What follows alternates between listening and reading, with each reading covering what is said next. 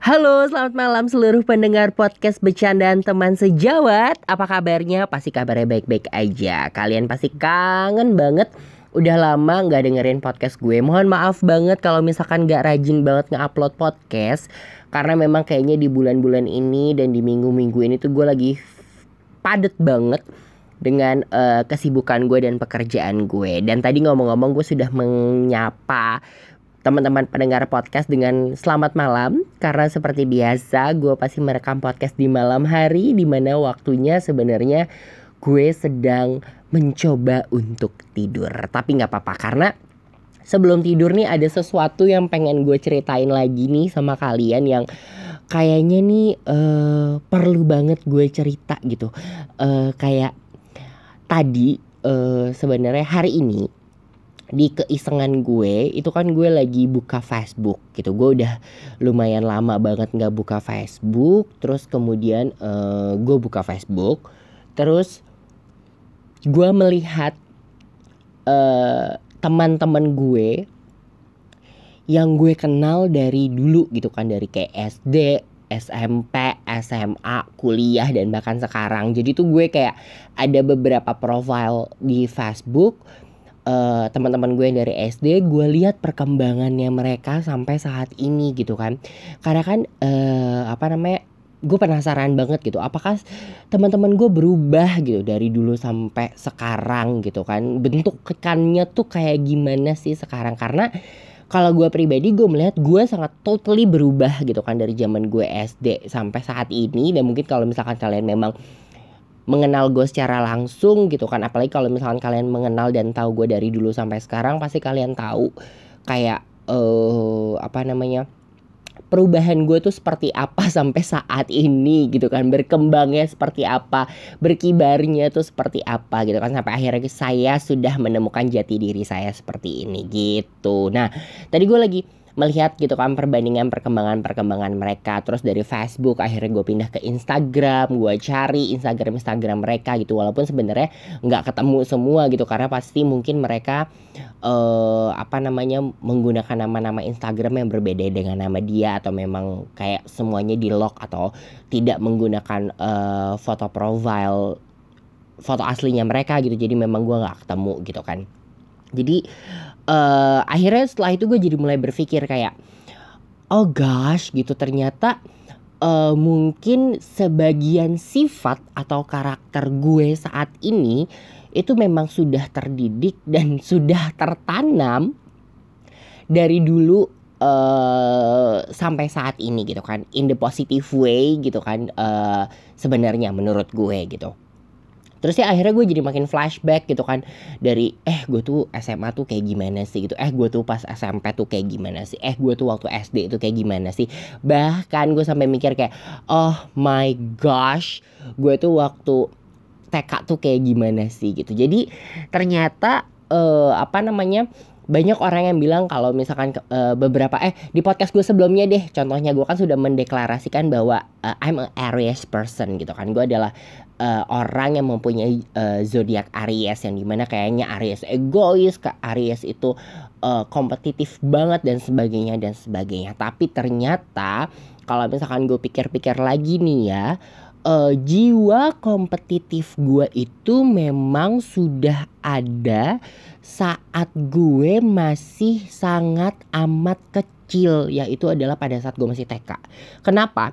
Kalau misalkan cerita, jadi dulu tuh waktu di TK itu gue inget banget pada saat uh, hari Kartini di mana kan dulu kan nggak uh, tahu ya mungkin sekarang juga masih kayak gitu ya uh, setiap merayakan um, Hari Kartini pasti kan semua anak-anak sekolah itu harus menggunakan pakaian adat Indonesia gitu kan. Terus uh, apa namanya harus ikutin beberapa kegiatan yang ada di sekolahnya masing-masing gitu. Nah jadi waktu itu uh, waktu pas gue di TK uh, gue ikut kartinian gue pakai pakaian adat itu gue ingat banget gue pakai pakaian Jawa gitu. Jadi gue pakai belangkon gue pakai baju Jawa dan gue pakai kain gitu. Karena gue ingat banget dan itu bajunya masih nyewa gitu deh di salon gitu dia ada uh, ada penyewaan baju lah gitu.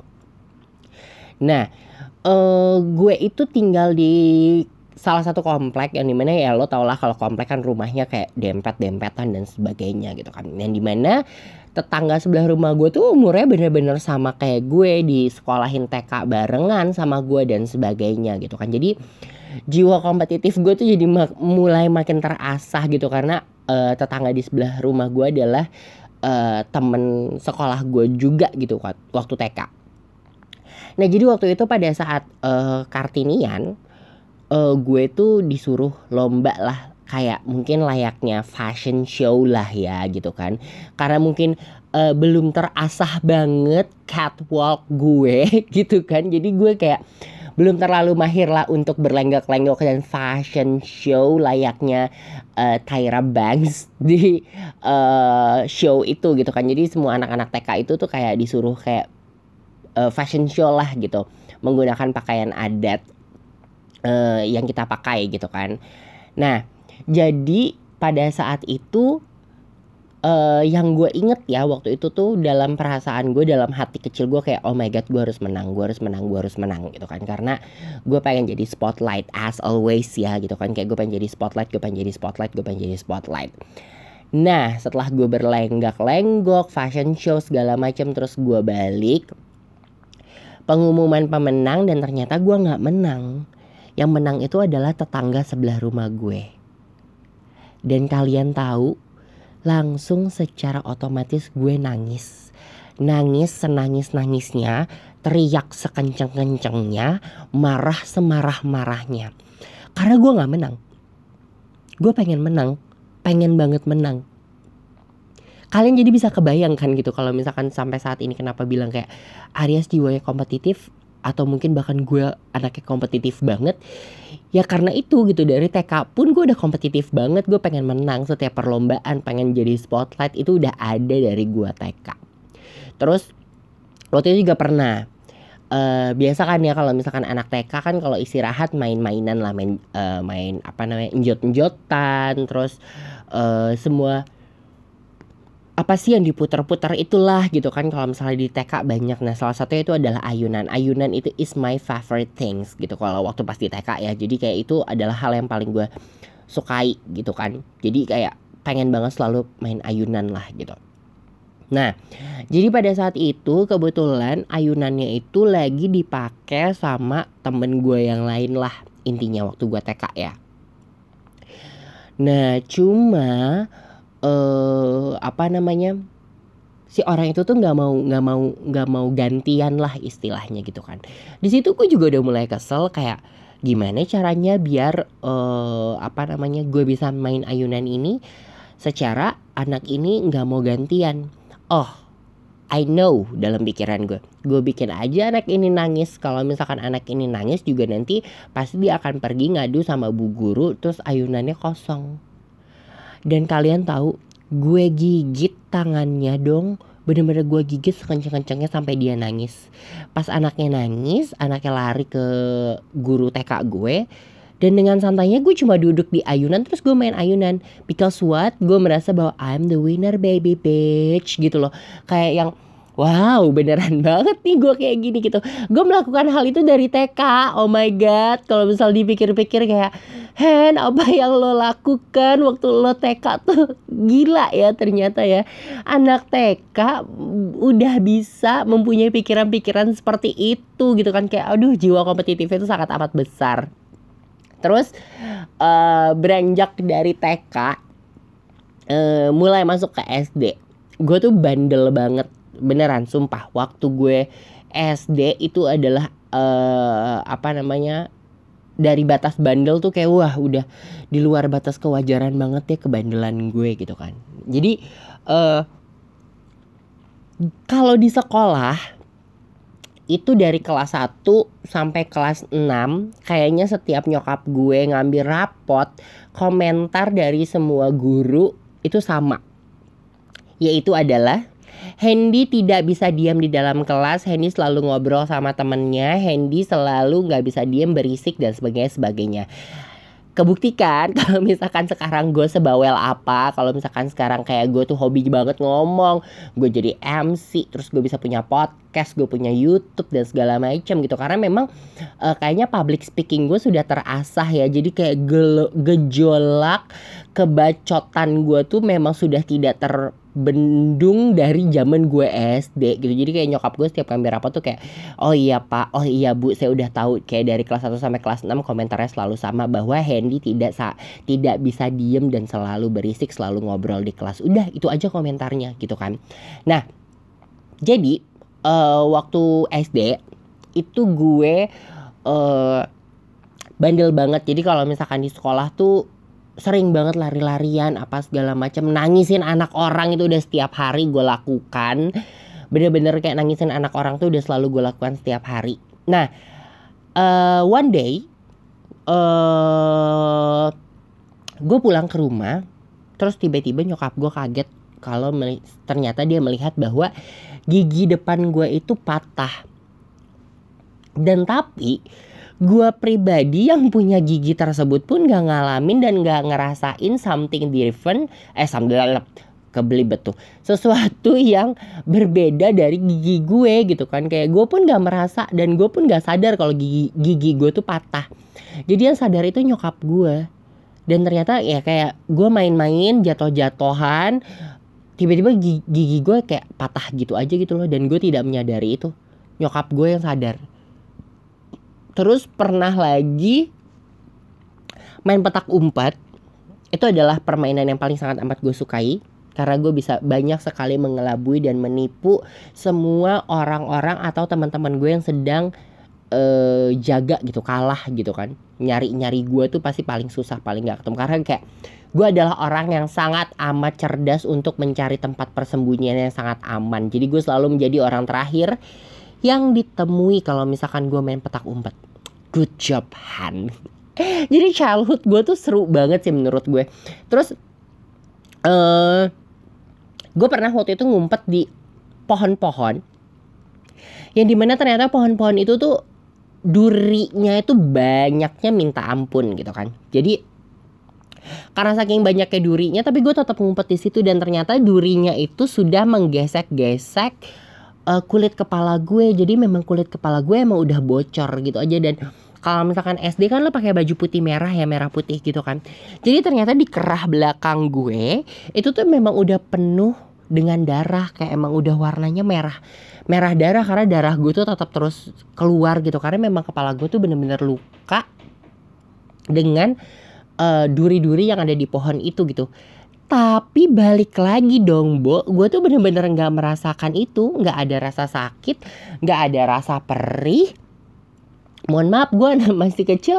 Uh, apa namanya kuda lumping kali ya, nggak ngerasain sakit gitu. Tapi memang bener gitu, gue nggak ngerasain sakit sama sekali gitu. Jadi kayak gue cuma tahu bahwa gosh what's wrong gitu kan kenapa nih baju gue gitu kenapa nih baju gue kok merah kenapa baju gue penuh darah terus gue pegang kepala gue terus tiba-tiba kayak bocor gitu kan kayak ah berdarah dan darahnya itu banyak banget di tangan gue. Kalau misalnya anak kecil yang normal mungkin langsung nangis kali ya karena dia melihatnya bahwa kayak eh uh, apa namanya? Aduh ini darah banyak banget apa segala macam gitu. Tapi kalau gue enggak gitu, gue cuma pegang kulit kepala gue terus pas gue lihat tangan gue kayak darahnya banyak banget. Gue cuma yang ya darah. Udah gitu doang. Dan gue nggak nangis sama sekali sampai akhirnya yang sadar itu adalah guru gue. Itu terus kalau misalkan dulu kan anak kecil sering banget ya kita tuh pas zaman SD antri untuk disuntik gitu kan apalah folio lah uh, hepatitis lah apa segala macam gitu kan banyak banget jenis-jenis suntik-suntikannya kan kayak anak-anak SD itu disuruh baris gitu kan. Terus dokter-dokternya tuh yang kayak ayo sini apa segala macam. Dan jutaan anak-anak itu pada nangis karena memang mereka sangat amat takut dengan jarum suntik. Mereka takut banget untuk disuntik. Dan nyokap gue tuh emang paling gak khawatir karena gue gak pernah nangis dong setiap disuntik. Karena emang gak pernah ngerasain sakit. Kayak ya udah kayak dengan waktu beberapa detik jarum itu masuk ke dalam tubuh gue selesai itu udah selesai udah. Kayak ya udah gue nggak ngerasain sakit. Nggak ngerasain apa cuma kaget aja tiba-tiba ya ada jarum masuk. Oh ya udah gitu. Udah gitu. Dari zaman gue SD loh. Bener banget deh, tapi kalau misalnya ngomong-ngomong masalah SD pun nakal banget. Iya memang. Tapi nonton tontonannya apa? Sailor Moon Bo. Beneran tontonannya Sailor Moon dulu waktu pas kelas 5 kelas 6 Sering banget bolos les Cuma demi nonton Sailor Moon sore-sore Siang-siang pernah bolos les demi nonton Amigos kalau kalian ingat ada film telenovela namanya Amigos Itu kayak film telenovela yang kayak Wow gila ya Amigos tuh bener-bener film yang uh, telenovela yang nggak tahu dia mungkin digandrungi banget sama semua orang. Jadi waktu itu pernah di kelas 6 kita lagi les gitu kan kayak pelajaran tambahan uh, setelah sekolah kelas biasa. Gue sampai pura-pura sakit gue pulang demi gue nonton episode terakhir Amigos. What's wrong with me? kayak wow dari kecil aja gue udah bener-bener kayak gitu dong kayak wow gila ya gue ya gitu kan dan gue berpura-pura sakit gitu jadi gue bilang sama nyokap gue kalau misalkan kayak aduh mah nggak enak badan nih gue sakit gitu demi nonton Amigos akhirnya kayak siang-siang jam satu siang gue nonton Amigos di SCTV kayak wow itu SD gitu kan. Terus ternyata naik SMP malah makin parah gitu. Gue udah mulai makin terpupuk jati diri gue sebagai mean girl. Ya kan gue mean girl mean man or whatever gitu kan. Jadi kayak makin terpupuk lah gitu dari kelas 1 terus uh, apa namanya kelas 2 kelas 3 jadi kelas 1 pun udah berani eh nggak gue kelas 2 kelas 2 SMP itu gue ngelabrak kakak kelas gue cewek kelas 3 cuma perkara dia kayak centil aja gitu. Sentil aja bolak-balik kelas gue karena kayaknya dia suka sama salah satu teman gue di kelas gitu kan. Terus kayak bolak-balik. Centil aja gitu terus gue gerah gue labrak dong. Beneran bener literally gue labrak gitu. Anak kelas 2 ngelabrak anak kelas 3 sering banget ngelempar orang pakai kursi sering banget di kantin ngelabrak orang, ngelempar orang pakai kuah Indomie rebus udah sering banget di kantin. Itu anak SMP, men, parah. Terus pernah lagi gue tuh nggak suka banget sama guru agama gue. Jadi guru agama gue tuh namanya adalah Pak Kosmos. My God Pak Kosmos, uh, apa namanya mudah-mudahan bapak selalu sehat ya. Sekarang masih sehat aja, sehat walafiat uh, apa namanya jadi keinget lagi sama Pak Kosmos I'm so sorry dengan apa yang sudah gue lakukan dulu Pak kalau inget tuh lucu banget karena gue tuh nggak suka banget sama Pak Kosmos gitu kan pelajaran agama entah kenapa gitu karena memang gue menurut gue kayak guru guru ini tuh freak banget gitu loh dan terus kayak gue pernah jadi tuh dulu mungkin kalau misalkan di sekolah itu kan kursinya masih dari rotan ya gitu. Kalau misalkan kursinya dari rotan terus eh apa namanya? Di kursi itu tuh kayak ada tempat duduknya lah jaring-jaringnya gitu. Jadi dulu biar uh, sepas istirahat karena gue tahu sebentar lagi itu uh, apa namanya akan ada pelajarannya dia. Di istirahat itu rotan jaring-jaringnya tuh gue bener-bener umpetin. Jadi pada saat dia masuk kelas, dia tuh bener-bener selama setengah jam dia nggak duduk. Di kursi karena memang di kursi itu tidak ada tempat duduknya maksudnya kayak rotan gitu jadi kursinya bener-bener bolong. Dan itu gue lakuin dan kursi itu gue gue umpetin di lemari kayak rotannya gue umpetin di lemari kayak Hen ini lo masih SMP kelas 3 lo gitu. Kayak lo bandel banget parah. Terus uh, izin ke kamar mandi tapi gue ke kantin dan gue makan indomie rebus barengan sama lontong. Kayak wow gila sampai istirahat. Bukan cuma uh, pelajaran agama aja kayaknya. Waktu itu pelajaran uh, kesenian eh enggak enggak enggak kesenian karena gue anaknya suka banget kesenian oh iya benar kesenian jadi guru kesenian gue itu barengan sama guru PPKN gue namanya Pak Budi. Hello Pak Budi, mudah-mudahan Pak Budi sehat ya, sehat selalu. I'm so sorry dengan apa yang sudah aku lakukan dulu Pak. Jadi dulu tuh dia juga adalah guru yang sangat amat menyebalkan. Terus uh, waktu itu lagi pelajaran kesenian dia kayak guru kesenian yang menurut gue tidak mempunyai jiwa seni yang baik gitu. Kayak selama satu semester ya hitungannya atau satu caturulan or satu apalah pokoknya gitu kan. Uh, keseniannya dia tuh cuma kayak botol dikasih apa ya botol ya botol sirup lah botol anything gitu kan. Kita harus bawa botol kosong. Terus kemudian uh, ada pasir yang kita masak pakai wantek. Wantek itu kayak pewarna pewarna baju. Uh, jadi pasirnya kan mau nggak mau kan warna-warni gitu kan. Jadi setelah itu kayak uh, botolnya dilem gitu kan pakai lem fox. Kemudian uh, kita hias gitu kan. Kita hias dengan pasir yang warna-warni itu gitu. Udah kegiatannya tuh emang itu aja yang dilakukan gitu kan. Waktu itu pernah gue alasan sama uh, si Pak Budi ini karena memang kayak jarak dari sekolah gue ke rumah juga jauh sih. Nggak jauh sih kayak lumayan lah gitu kalau naik angkot. Terus alasan gue gue punya teman gue punya sahabat gitu kan kayak terus kemudian gue bilang sama pak aku pengen ke rumah gitu kan ngambil pasir dekat banget. Naik apa? Naik motor karena dulu waktu pas gue kelas 3 SMP gue punya satu temen namanya Ferry. Terus si Ferry itu tuh punya motor gitu. Jadi kayak dia setiap hari kalau ke sekolah tuh pasti selalu naik motor lah gitu kan. Terus gue bilang e, aku pinjam aku pinjam motornya Ferry gitu kan. Aku pergi sama Gladys gitu. Uh, she's my best friend. Gue pergi sama dia. Akhirnya gue nggak pul eh nggak pergi karena di belakang di belakang sekolah gue tuh kayak ada perkampungan terus ada lapangan bola kosong.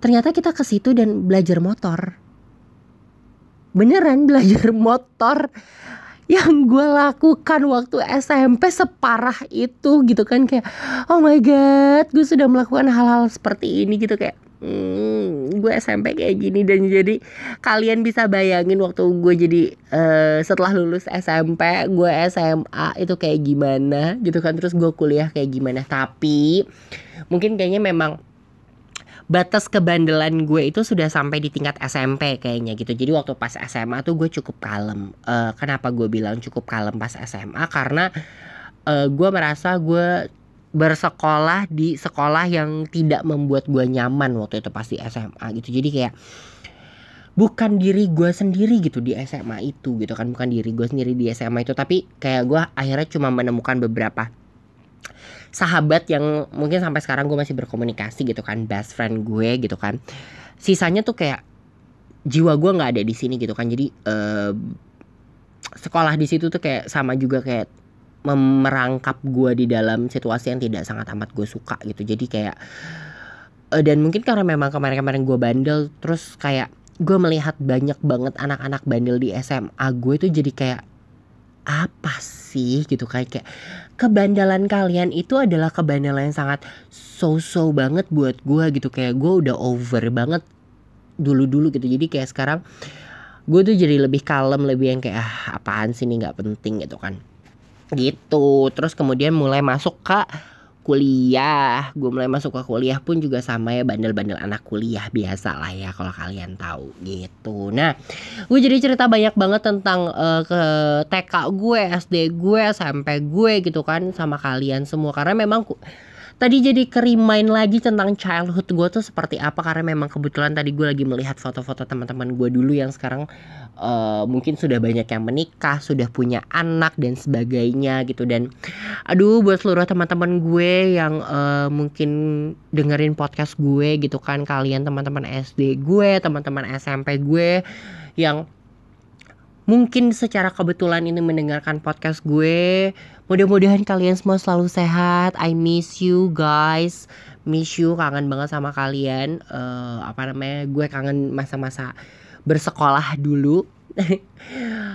gue kangen banget masa-masa itu dan sekarang gue akhirnya menyadari bahwa kayak gue sudah sudah ada di titik kedewasaan. But gue tidak pernah menyesali apa yang sudah gue lakukan gue tidak pernah menyesali apa yang sudah gue perbuat dari dulu sampai saat ini karena apa yang gue sudah lakukan apa yang sudah gue terima apa yang gue sudah dapatkan dan apa yang sudah gue lewati itu adalah merupakan bagian dari proses sampai akhirnya gue menjadi seperti ini. Gitu. Jadi mungkin gue menjadi seperti ini uh, berkat uh, beberapa hal yang sudah gue lewati gue pelajari dan gue alami juga di masa-masa gue sebelumnya. And buat seluruh teman-teman juga mudah-mudahan kalian juga seperti itu. Kalian gak lupa sama teman-teman kalian uh, yang SD atau teman-teman kalian zaman dulu jangan lupai itu. Jangan lupa sama mereka gitu. Kalian tetap harus ingat apalagi kalau misalkan berpapasan atau uh, berkomunikasi di sosial media tetap jaga hubungan baik dengan teman-teman kalian gitu. Dan uh, juga apa pun yang sudah kalian lakukan dulu gitu jangan pernah disesali. Anggap saja itu sebuah pelajaran dan mungkin itu adalah proses di mana kalian uh, melewati sampai akhirnya kalian ada di titik saat ini. Seperti itu. Wow gue udah seru banget akhirnya bisa sharing. Di malam hari ini bercerita sedikit tentang kehidupan gue masa lalu dan mudah-mudahan sedikit menghibur buat kalian semua. Mudah-mudahan bisa menjadi cerita atau uh, bahannya untuk didengari secara ringan uh, buat teman-teman semua yang menemani kalian semua. Seperti itu. Terima kasih loh buat seluruh teman-teman yang sudah setia mendengarkan podcast gue. Sampai ketemu di podcast gue selanjutnya. Dadah.